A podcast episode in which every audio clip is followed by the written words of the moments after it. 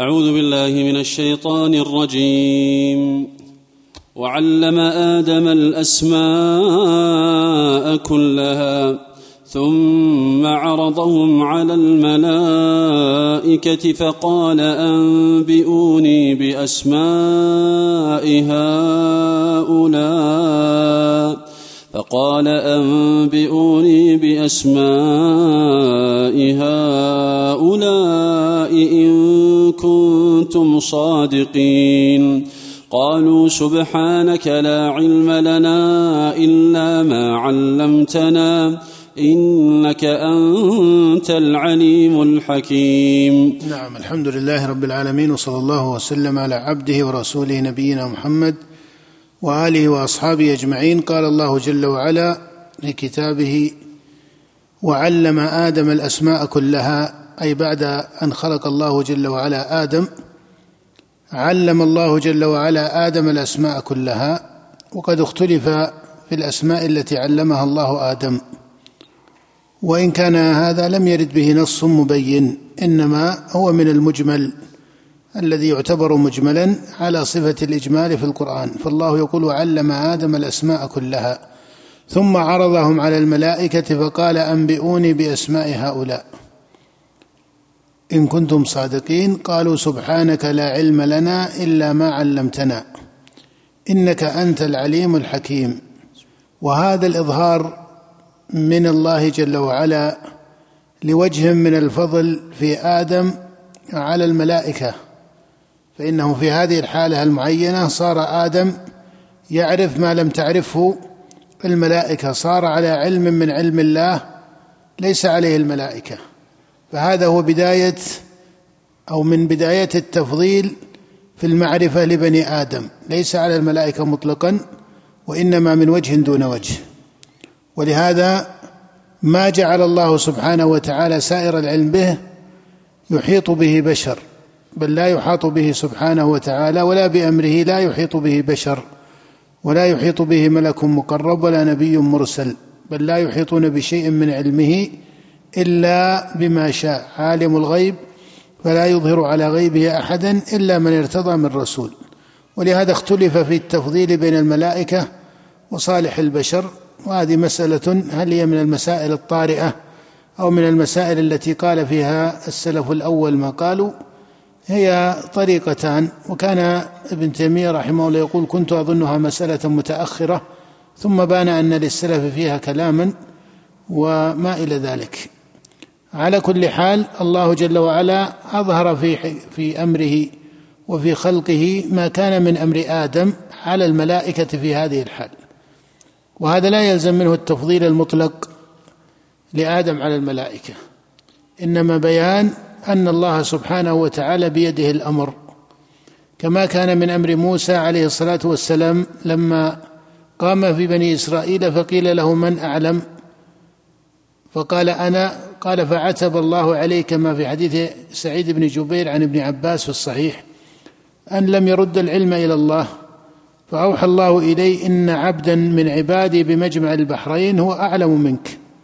قال يا رب أن لي به. قال أحمل حوتا في مكتل فحيث تفقد الحوت فهو ثم فخرج مع فتاة يوشع بن نون إلى ما كان من أمره الذي قصه الله في سورة الكهف. ثم قال له الخضر يا موسى إني على علم من علم الله علمك إيه علمني إياه لا تعلمه. وأنت على علم من علم الله علمك إياه لا أعلمه.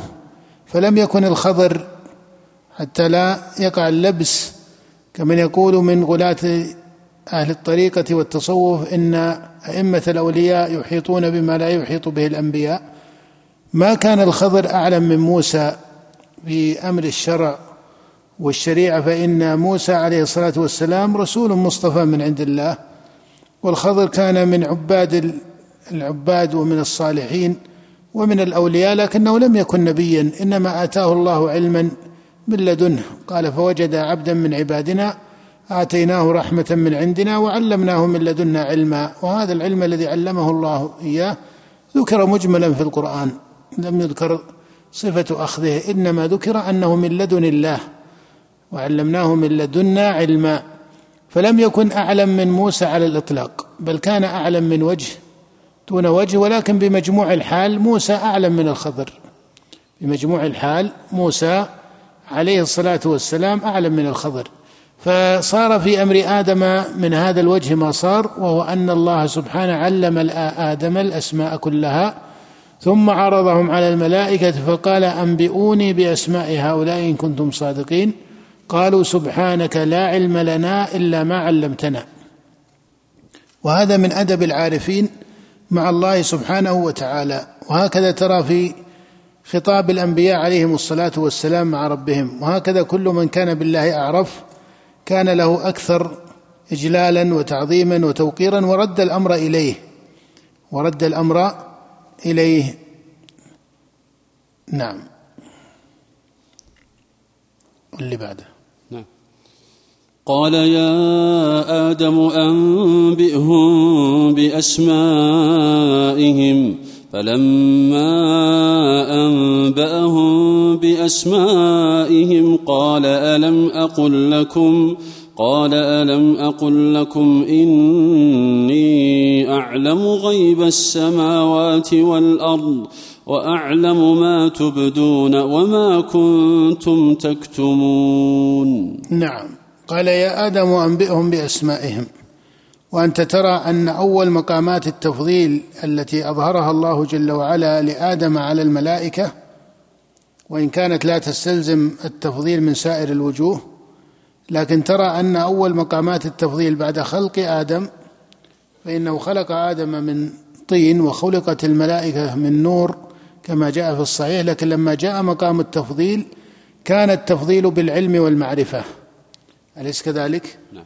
كان بالعلم والمعرفة فعلم بهذه الإشارة في القرآن إلى أن العلم والمعرفة هو أخص وأجل صفات بني آدم.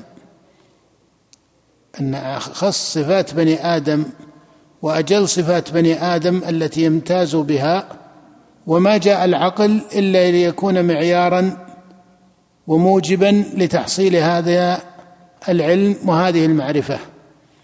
ولهذا ترى أن الله خلق بني آدم عقلاء في الأصل ومن كان عقله لم يوصله إلى العلم والمعرفة الصحيحة وهي المعرفة بالله سبحانه وتعالى وهذه هي المعرفة المقصودة في الشريعة وهو العلم المقصود في الشريعة. وإن كان جنس المعرفة محمودا من حيث هو وجنس العلم محمودا من حيث هو حيث كان نافعا حيث كان نافعا فإنه يسمى علما. وهو محمود من حيث هو. لكن العلم الإلهي هو أشرف العلوم وهو المقصود بالعبادة والمقصود بالتفضيل المطلق. فترى أن أول مقامات التفضيل وأخص مقامات التفضيل ابتدأت بذكر إيش؟ المعرفة. قبل أن يكون أن تكون النبوة في ولد آدم. قال الله تعالى وعلم آدم الأسماء كلها ثم عرضهم على الملائكة فقال أنبئوني بأسماء هؤلاء. فهذا هذه إشارة في القرآن إلى مقام في صفة بني آدم وهو أن أخص الصفات في بني آدم إجلالا وقدرا العلم والمعرفة. وما جاء العقل الذي ميز به بنو آدم عن البهيم ما جاء العقل إلا ليكون معرفا ليكون موجبا ليكون معيارا موصلا. ولهذا ترى أن الله سبحانه وتعالى يصف الذين لم يستعملوا هذا العقل ليصلوا به إلى العلم والمعرفة بالله جل وعلا. يصفهم بأنهم صم بكم أليس كذلك؟ يصفهم بأن لهم قلوب لا يفقهون بها. ولقد ذرأنا لجهنم كثيرا من الجن والإنس لهم قلوب لا يفقهون بها ولهم أعين لا يبصرون بها. ولهم آذان لا يسمعون بها. أولئك كالأنعام بل هم أضل. أولئك هم الغافلون. لما عطل العقل والبصر والسمع عن أشرف مقاصد وجوده فأشرف مقاصد وجود العقل والسمع والبصر هو أن يكون معيارا وموجبا للعلم والمعرفة. ولهذا المعرفة مقصودة لذاتها. فإن قيل فالعمل قيل المعرفة التي هي أشرف المعارف هي المعرفة الموجبة للعمل وهي معرفة الاستجابة وعلم الاستجابة. المذكور في قول الله يا أيها الذين آمنوا استجيبوا لله وللرسول إذا دعاكم. وهو العلم الذي أمر به النبي صلى الله عليه وسلم في قول الله فاعلم أنه لا إله إلا الله.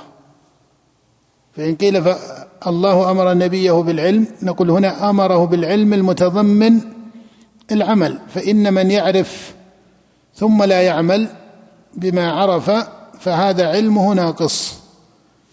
هذا علمه إيش؟ ناقص. ولهذا سمي في القرآن جهلا.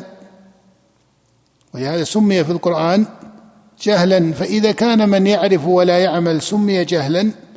فمن باب أولى ما استقر عليه الإدراك عند سائر بني آدم على اختلاف دياناتهم ومنازعهم أن من لا يعرف أصلا يسمى إيش؟ جاهلا. من لا يعرف أصلا تسميته جاهلا ليس غريبا على الفهم الآدمي أليس كذلك؟ لكن الذي جاء الالتفات إليه في القرآن هو تسمية من يعرف ثم لا يعمل بما يعرف تسميته بوجه من الجهل. أين هذا في القرآن؟ في مواضع من القرآن منها ليس في حق الكفار فقط ليس في حق الكفار فقط بل يقع ذلك حتى في حق أحد بني آدم من الموحدين الذين يعصون. في قول الله جل وعلا إنما التوبة على الله للذين يعملون السوء بجهالة ثم يتوبون من قريب. هنا بجهالة إما أن يحمل على أن المقصود بالجهل عدم العلم من الأصل. وإما أن يكون المقصود بالجهل أنه فعل الذنب وهو يعرفه لكنه أذنب. والمقصود أيهما؟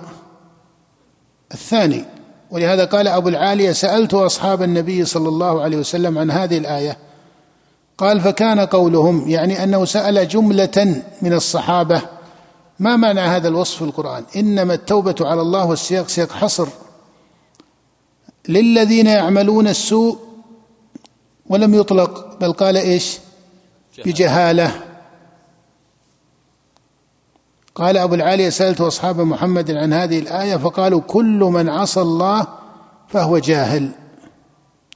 ولهذا هذه الآية فيها من البلاغة وتمام الإشارة فهي أمر بالتوبة أمر بالتوبة وشريعة التوبة وشعيرة التوبة أمر بالتوبة ولكنها إشارة في نفس المقام عن الآية إلى أن كل تائب فإنه تائب عن ذنب هو جاهل فيه. وهذا تبخيس وإسقاط لشأن المعاصي والذنوب وبيان أنها لا نفع فيها بحال لأن صاحبها لما يفعلها ويتوب عنها ما جنى مصلحة حقيقية وإنما تاب عن جهالة ارتكبها. فمن شرب خمرا فإنه يجب عليه التوبة ولكنه تاب عن إيش؟ عن جهالة. ومن أكل الربا فتاب عنه فإنه تاب عن جهالة. أي أن الفعل نفسه إيش؟ أن الفعل نفسه مادة من الجهل. وإلا من عرف الله قد يقول قائل فما وجه كونه جاهلا؟ وهو يعرف أن الخمر محرمة. نقول هذا نوع من المعرفة لكن المعرفة تمامها الشرعي ما وقع في نفسه. لو وقع تمام المعرفة الشرعي في نفسه ما شرب الخمر. أين هذا؟ ما قدر الله حق قدره. من قدر الله حق قدره ما أتى هذه الكبائر. فيكون تقديره أو يكون مقامه ناقصا ليس معدوما لأن من لم يقدر الله مطلقا هذا لا يكون مسلما. لكن نقص علمه بالله نقص أو نقصت استجابته لله نقصت معرفته بالله. ومن عرف الله حق معرفته وحقق الاستجابة له حقيقة الاستجابة ما وقع منه ذلك. ثم يقع ذلك ما هو أعظم من الكفار. كاليهود الذين يعرفون ولا يؤمنون بأصل الدين. الذين آتيناهم الكتاب يعرفونه كما يعرفون أبناءهم. وجاحدوا بها في فرعون ومن معه قال الله تعالى وجاحدوا بها واستيقنتها أنفسهم. فهذه معرفة إضافية في حقهم من وجه وهم يوصفون بالوجه بالجهل من وجه إيش؟ آخر. ولهذا وصف الله اليهود بالجهل في مقام ووصفهم بالمعرفة في مقام فهذا ليس منافيا لهذا. لكن العلم الذي يوصف به أئمة الإيمان كالأنبياء وأئمة الصالحين هو العلم الذي يقع معه التحقيق. وهذا معنى قول الله إنما يخشى الله من عباده العلماء أي أن من تحقق تحقق عنده العلم ترك هذه الموبقات. لكن الإنسان ينتابه جهل لكن العبرة بأن هذا الجهل يكون عارضا في حقه وليس مطبقا عليه. فإذا كان مطبقا عليه فهو مقام الزلل. وأما إذا كان عارضا له فهذا هو معنى قول النبي كل بني آدم خطأ فإن الإنسان يقع له مادة من الجهل يعرض له مادة من الجهل بمعنى ليس معصوما.